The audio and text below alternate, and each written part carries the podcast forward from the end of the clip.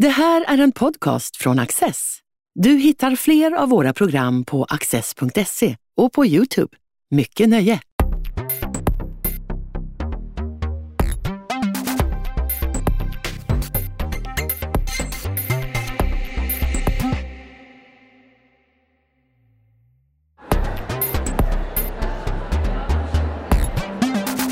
Jansson har bland annat varit professor i latin och senare i afrikanska språk vid Göteborgs universitet.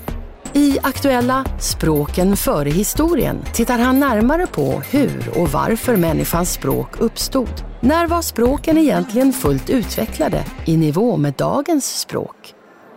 Tore Jansson, du har skrivit en bok som handlar om något som berör oss alla, nämligen det mänskliga sättet att tala och hur det har uppkommit och förändrats.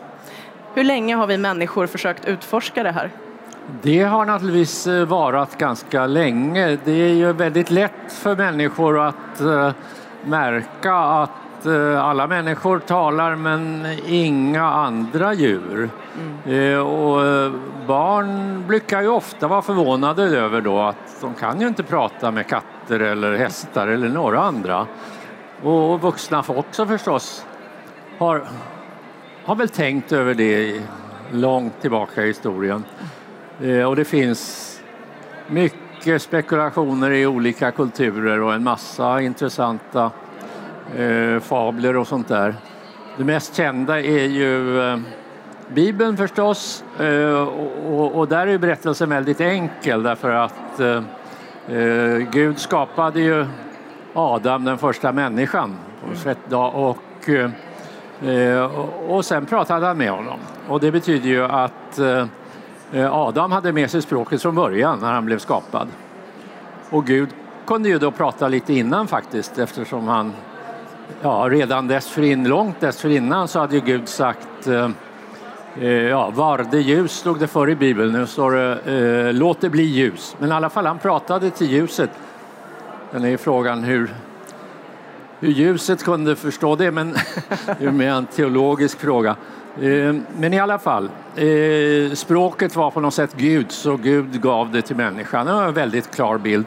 Eh, och det i, i det kristna västerlandet då, så har det då förblivit historien om språkets tillkomst väldigt länge. Framåt 1600-1700-talet så började folk undra lite, men försiktigt därför att eh, då var det rätt farligt att ifrågasätta någonting i Bibeln. Men på 1800-talet så, så brast liksom dammarna och folk eh, började mer och mer eh, våga säga helt andra saker. Och, och definitiva genombrottet för nya idéer det var förstås Darwin och hans utvecklingslära som kom 1870-talet ungefär. Och eh, Darwin eh, funderade mycket på språket själv och det står en hel del om det i hans eh, epokgörande böcker. Då. Så det, från dess och framåt så har det väl funnits någon slags forskning eller i alla fall idéer om att språket måste ju ha utvecklats efterhand ändå. Det kan inte bara ha kommit från gudarna det trodde inte Darwin. Och det är ju, så är ju alla överens om nu att det bara har varit.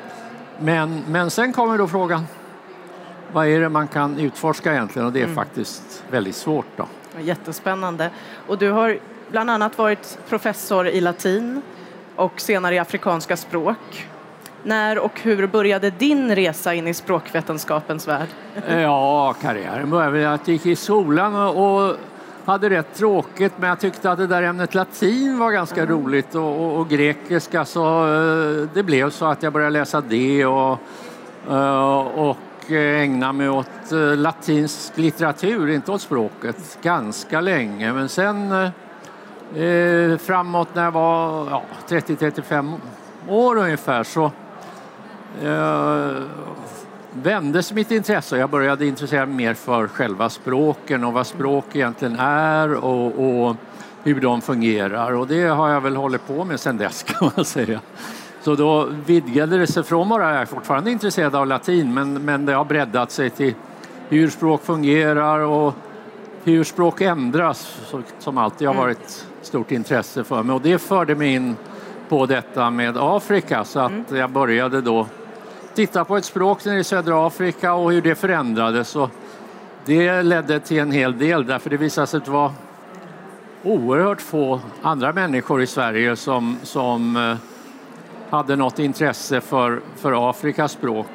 Och det gällde för övrigt alla länder utom eh, de i Afrika. De. Så det är inte så många andra böcker på just det här temat? På det där temat är det, eh, det här handlar inte bara om Afrika utan Nej. det handlar om um, språken före historien och um, på det temat finns det en hel del böcker som är väldigt spekulativa för det mesta. Mm. För vad ska man skriva om när man inte vet något Nej. om man säger så. Det, det, det här är inte menat som någon spekulativ bok direkt utan den sammanfattar vad man vet och sen eh, är det ett antal gissningar om hur det möjligen kan ha gått till att språken gradvis blev som de blev. Mm. Och det, det är ganska svårt men en del kan man faktiskt veta. Och du är, du är inne lite på hur svårt det kan vara att bevaka hur djur kommunicerar med varandra eftersom själva forskaren då kanske röjer sin närvaro i denna ja. studie. Så hur gör man när man studerar? Eh, ja, det är en fråga. De, de djur som är allra mest intressanta för det här med språk, det är de som är närmast släkt med oss. Mm. Nämligen schimpanser och bonoboer som liknar schimpanser och gorillor också. Eh, och, eh, det har man då studerat på olika sätt. På 70 och 80-talet så vill man veta om de kunde lära sig mänskliga språk och, och, tog in dem bland människor och de kan lära sig väldigt mycket och är mycket duktiga på det men de kan absolut inte tala. De, de, de, de saknar totalt förmåga att, äh, att forma mänskliga språkljud och det finns ingen möjlighet att lära dem. Eh, däremot kan de förstå mycket bra eller ganska bra mänskliga språk. De kan lära sig ett antal ja, flera hundra ord ibland så att de kan på sätt och vis kommunicera på det viset, men de förstår vad människor säger. Men eh, de är inte intresserade av det. de gillar inte att prata med människor. Eh, och, eh, men mera intressant är ju då hur de själva kommunicerar. Och det är med, när det gäller ljud med hjälp av ungefär 15 medfödda ljud i alla de här arterna. Men vad de, och, och, så de kan man ju spela in och höra men, men, men, problemet är vad de betyder och det är inte så lätt att veta för att eh, det, där är det ju problemet med att eh, mänskliga forskare begriper ju människor som talar men mänskliga forskare begriper inte apor som, eh, som sänder signaler. Vi är inte mottagare och det enda som, som vi kan studera det är hur andra deras eh, vänner eller sam, de de samspelar med uppfattar det. Och det går ju ibland. Om, eh, om en schimpans ger en varningssignal så är det ganska lätt att se att de andra springer och sådär. Så vissa saker är lätta, men andra kan vara mycket svåra därför att de, de är ju begåvade och mångsidiga djur och de ger ett visst ljud och så säger ingen annan runt omkring reagerar. Och det kan ju hända att det betydde att det där ljudet betyder ingenting men det kan också betyda, hända att det betyder någon väldigt viktig information som de inte behövde reagera på just då. Mm. Så hur ska man veta det? Liksom? Och berätta lite om din resa till Afrika. Uh, jag, jag, kom ner till Afrika av nästan en slump. Jag blev intresserad av ett språk i Botswana, mm. hur det förändrades när hela den politiska sociala situationen förändrades väldigt kraftigt. Det här var på 80-talet när, när många länder i Afrika just hade blivit självständiga. Det här lilla landet hade varit ett brittiskt protektorat och engelska var det enda språket som användes officiellt och sådär. Men så plötsligt blev det självständigt och eh, så råkar det vara så att de har ett majoritetsspråk, de flesta talar samma språk och det blev då upphöjt liksom till eh, statsbärande språk och det var väldigt mm. intressant. Eh, men det var ingen som hade studerat det där så att jag reste dit och tänkte jag skulle titta på det. Jag var där i sex veckor. När jag kom hem till Sverige så började folk ringa till mig och säga du, du som kan afrikanska språk, kan du inte... På sex veckor. så mycket visste man om afrikanska språk då i Sverige. Aha. Men nu är det bättre? Nu är det bättre. Det blev med, tiden. Jag upptäckte att de där sex veckorna räckte ju inte riktigt utan jag har samarbete sedan i tio år ungefär med eh, en eh, eh, infödd talare av det här språket som också var språkvetare och vi gjorde tillsammans det där. Men under tiden så byggde vi upp eh, ja, vad ska man säga, kompetensöverföring var det frågan om. Alltså idén var eh, och är fortfarande att eh, lingvister som kan en del om språk i Sverige speciellt eh, skulle hjälpa till att eh, överföra sån kompetens till afrikanska universitet som då eh, nästan inte fanns men nu byggs upp faktiskt det ganska bra. Och den, den verksamheten har pågått nu från vår sida i över 30 år. Numera finns en professur i afrikanska språk nere i Göteborg där jag vaktar. Då. Och, Eh, de har mycket stort samarbete, framförallt med Tanzania för närvarande. Kartlägger språk där och eh, eh, tillsammans med lingvister i Tanzania. Då. Du har ju gett ut flera böcker på det här ämnet, eller på språkhistorietemat. Ja. Däribland Germanerna som nominerades till Augustpriset. Ja. Hur skiljer sig den här aktuella boken från dina tidigare, mer konkret? Den försöker beskriva någonting som man vet väldigt lite om och jag försöker beskriva det från ett håll som inte är så vanligt. Ehm, jag försöker titta på själva kommunikationen och, och frågar då eh, varför blev språken som den blev? Varför finns det frågor i alla språk? Varför finns det tilltal i alla språk? Och varför börjar barn tala så otroligt tidigt? Det måste finnas skäl till det här. Ehm, de frågor som folk ofta ställer är faktiskt från andra hållet. De frågar sig hur kan människor göra sånt här oerhört komplicerat? Det tar jag naturligtvis också upp, men det är inte grundfrågan, utan grundfrågan är Eh, varför, skulle, varför måste människor lära sig så här komplicerade saker? Vad var det för fördel med det? Och, eh, eh, och, och, och varför hjälpte det våra förfäder att överleva och så där. Och det gör då att, att boken dels är en redovisning av fakta om vad man vet men dels ganska mycket en, en bok som försöker peka på nya frågor som egentligen är outforskade men mm. som kanske någon skulle kunna forska om. Ja, jätteintressant. Och eh, du skriver i första delen om de tidiga talarnas liv och den stora förändringen kom med boskapsskötsel och jordbruk för ungefär 10 000 år sedan. Mm. Sen kom nästa omvälvning i språket i samband med skriftspråken för ungefär 5 000 år sedan. Hur ser utvecklingen ut därefter? Eh, det skriftspråksomvälvningen kan man säga är, är, var länge väldigt långsam därför att det var få som kunde läsa och skriva i början och på bara några enstaka ställen på jordklotet. Sen har det sakta men säkert spritt sig. Men ännu för eh, bara några hundra år sedan så, så var det ju absolut en liten minoritet i världen som kunde skriva och läsa. Nu är det absolut en, en majoritet, en mycket stor majoritet och det har ju att göra med alla möjliga andra utvecklingar. Mm. Digitaliseringen. Digitaliseringen är det ju så med att den är naturligtvis väldigt viktig eh, men den är ju som den nu ännu så länge i alla fall fungerar väldigt mycket eh, ett nytt tekniskt sätt att skriva och läsa. Mm. Så det är inte ett nytt sätt att kommunicera. När det inte är det så är det ett nytt sätt att uh, tala och lyssna. Mm.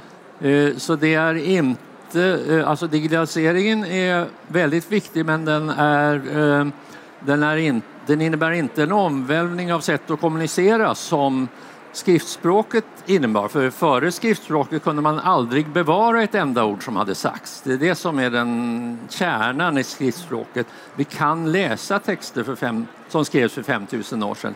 Ända till skriftspråket uppfanns så kan man inget. Det är därför man skiljer mellan före historien och historien. Historien är det som händer under skriftspråkens tid för då vet man någonting om människor och vad som hände. Men före historien, för, innan det fanns skrift, så vet man så oerhört lite. Ingenting egentligen utom det som man får fram genom arkeologi och sådana saker.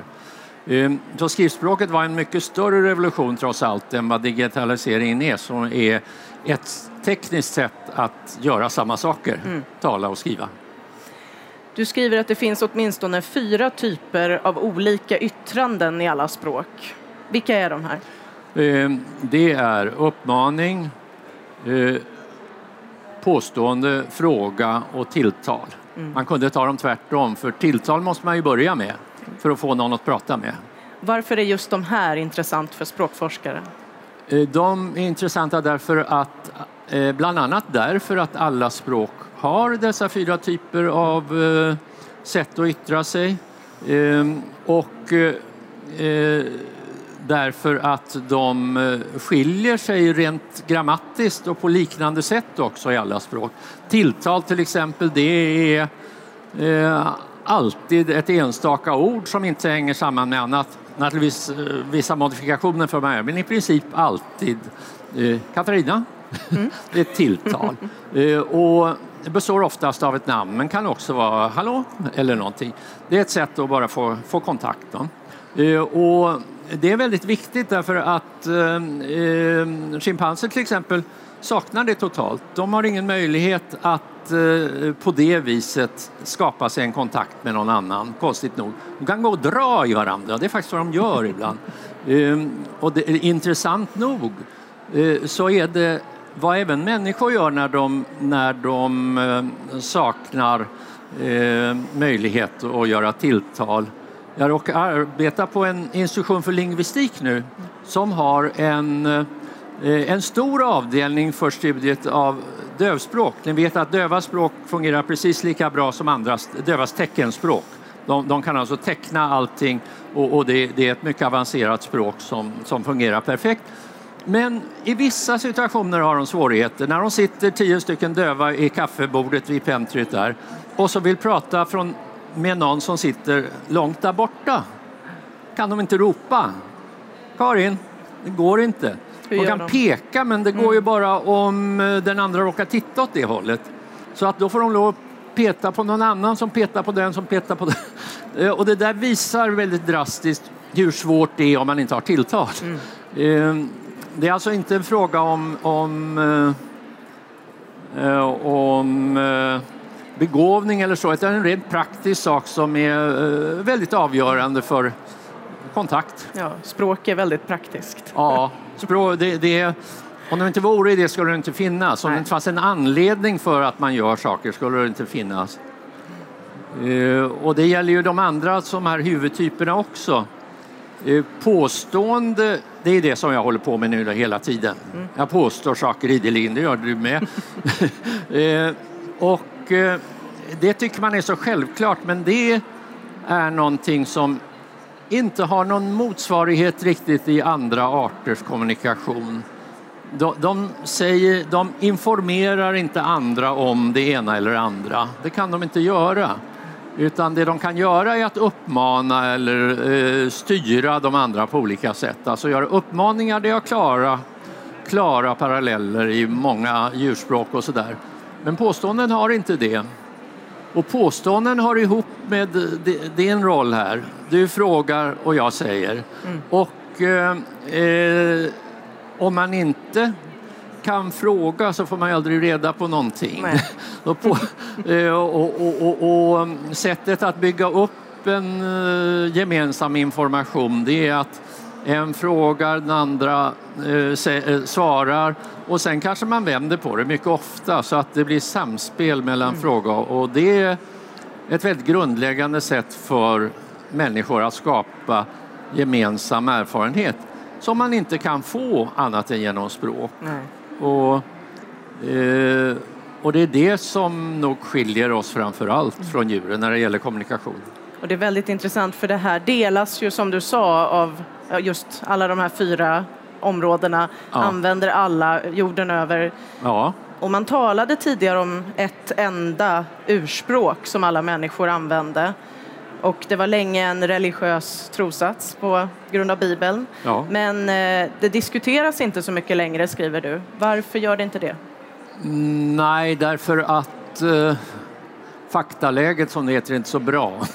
det är så lätt och, och, och studera saken. Men eh, om man börjar fundera på det, eh, det har naturligtvis folk gjort och, och mm, det går säkert att hitta eh, även forskare som nu tycker att det borde ha funnits ett urspråk. Men, men eh, det är inte så många som tycker det är så viktigt och i min eh, min uppfattning är väl att det är alldeles eh, eh, orealistiskt att tänka sig om man tänker på hur vi kommunicerar nu för tiden med våra komplicerade språk så är det ju så att de aldrig eh, eh, blir lika utan varje mänskligt samhälle skapar sitt eget sätt att kommunicera. Det finns ju tusentals språk nu och det är inte så att det var färre förr, det är precis tvärtom. Eh, för kanske, ja, säg för 10 000 år sedan, före jordbruket, så var ju alla jägare och samlare. Och då var det ju så att de levde i samhällen på, säg mellan 20 och 100 människor. Och det normala bland de jägare och samlare, som finns, eller har funnits de senaste århundradena, det är att varje samhälle har sitt eget språk. Så har det förmodligen varit i mänsklighetens historia hela tiden. Så att de flesta språk har, varit, har talats av en handfull människor egentligen. Eh, och det finns ingen anledning att tro att det var annorlunda i början heller Nej. faktiskt. Därför att det finns, ing, finns inget skäl att människor skulle använda precis samma ljud för samma saker över hela världen. Det, det, det är mycket enklare att uppfinna det där man är. Till exempel måste man ju ha namn på sina vänner och bekanta. Ja. Och varför skulle man använda exakt samma namn som används på andra ställen? Nej. Du är ju inne på det här om att det är mycket man inte vet. Men du har ett kapitel, vad man kan vara säker på. Ja. Berätta lite mer om den delen. Ja, det, då skulle jag egentligen ta fram boken. För att men, men eh, det man kan vara alldeles säker på är att eh, schimpanser och bonoboer inte har ett sådant språk som vi och, och att vi har språk, alla människor. Eh, eh, det, fin- det är nu helt klart att en gång i världen fanns det eh, en art som var den gemensam förälder så att säga till både oss och till schimpanser och bonoboer. De levde för ungefär 6 miljoner år sedan. Och det man kan vara säker på det, och det är att eh, språken utvecklades någon gång under den tiden. Och det är ju alltid något. Ja. Eh, och sen kan man vara ganska säker på nu Eh, efter allra senaste tidens genetiska utveckling att språken nog har varit precis som de är nu i lång tid, mycket längre tid än man trodde för bara några år sedan. Men uppemot 300 000 år sedan faktiskt var det nog som språken blev som de är nu. Eller som de måste ha varit så redan vid den tiden. De kan ha varit så ännu mycket längre tillbaka. Så att språk i nuvarande form har funnits väldigt länge faktiskt. Det kan man vara rätt säker på. Du skriver att en vanlig illustration av ett ord är att jämföra med ett mynt. Ja. Varför är det en bra liknelse? Ja, jag tycker det är bra därför att eh, eh, ett mynt har två sidor. Man ser någonting på den ena sidan, man ser någonting på den andra sidan. Och så sitter det ihop på något vis. Eh, och de, de där sidorna behöver inte ha med varandra att göra, men om man klöv det på mitten så som man skilde på sidor, då skulle det inte vara ett mynt längre, för ett mynt ska ha två sidor. Eh, och eh, eh ett ord är också sådär, det består av två separata delar, nämligen ett ljud som man uttalar jag bortser från skriftspråk nu, men eh, en signal kan vi säga. Och ett, i, i, I talarspråk ett ljud eller en ljudkombination. Eh, och sen är det en innebörd som, eh, som ordet har. Eh, det betyder en sak eller en handling eller någonting väldigt abstrakt, men det har en innebörd.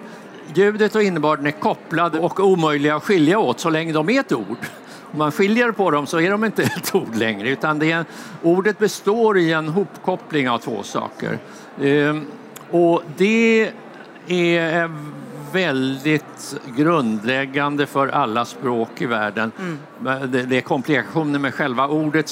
Eh, man skulle hellre tala om morfem om man ska vara teknisk språkvetare. Men, men alltså denna kombination av en ljudsignal och så är, eh, med ett visst innehåll Eh, en viss innebörd. Det, det, är absolut grundläggande för att man ska kunna förmedla någonting till någon annan. Mm.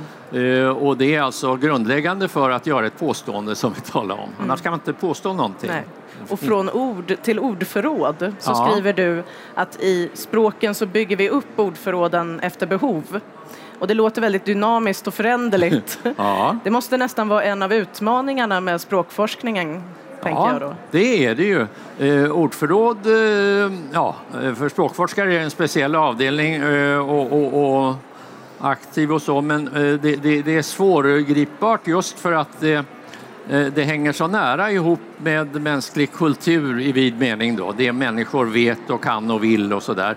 Och eh, orden kan vara av så oerhört olika karaktär, olika många.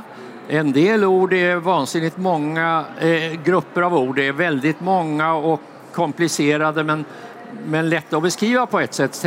Tänk till exempel alla eh, organiska kolföreningar som finns, eh, kolväte och sådär. Eh, vanlig människa kanske känner till fem men, men en kemist kan eh, lätt räkna upp 10 000 eller jag vet inte, 100 000 kanske. Och det finns ord för allihopa för de bildas på systematiska sätt och, och, och, och, eh, är på det viset enkla egentligen. När man väl vet vad, vad saken är, det där ämnet, så vet mm. man ordet, så kopplar man ihop det. Och eh, de som, de som känner till det, det är bara kemisterna då förstås. Mm. Avslutningsvis bara, vad jag har lärt mig väldigt mycket av att läsa din bok. Jag tyckte att den var väldigt intressant. Det var roligt. Men jag är nyfiken på att höra för dig som författare, vad vill du att läsaren tar med sig? Jag skulle gärna eh, vilja att läsaren fortsatte och, och, och, och ställa frågor. Tänkte på de frågor som jag ställer och undrar om det inte finns andra och bättre frågor att ställa. Och naturligtvis ännu bättre om de kan hitta svar, men, men ofta är frågor det viktigaste. Alltså om, man, om man har ställt rätt frågor, jag har ju hållit på nu med det här med forskning i en del år och, och det är en alldeles grundläggande erfarenhet att det, det är naturligtvis bra att få ett resultat, det blir då man blir berömd och sådär ofta, men om, om man gör, har något, gör något väldigt viktigt. Men, men, men, men eh, det avgörande är egentligen att hitta den fråga som man behöver svaret på. Mm. För att eh, när man inte kommer fram beror antagligen på att frågan är felformulerad. Men, men som den här boken kan hjälpa till att eh, stimulera folk och ställa fler frågor och kanske rent av rätt frågor så är jag väldigt glad. Klurig och bra avslutning. Tore Jansson, tack. tack. Du har just lyssnat på en podcast från Access. Du vet väl att vi också är en tv-kanal och tidning? Teckna en prenumeration idag på access.se.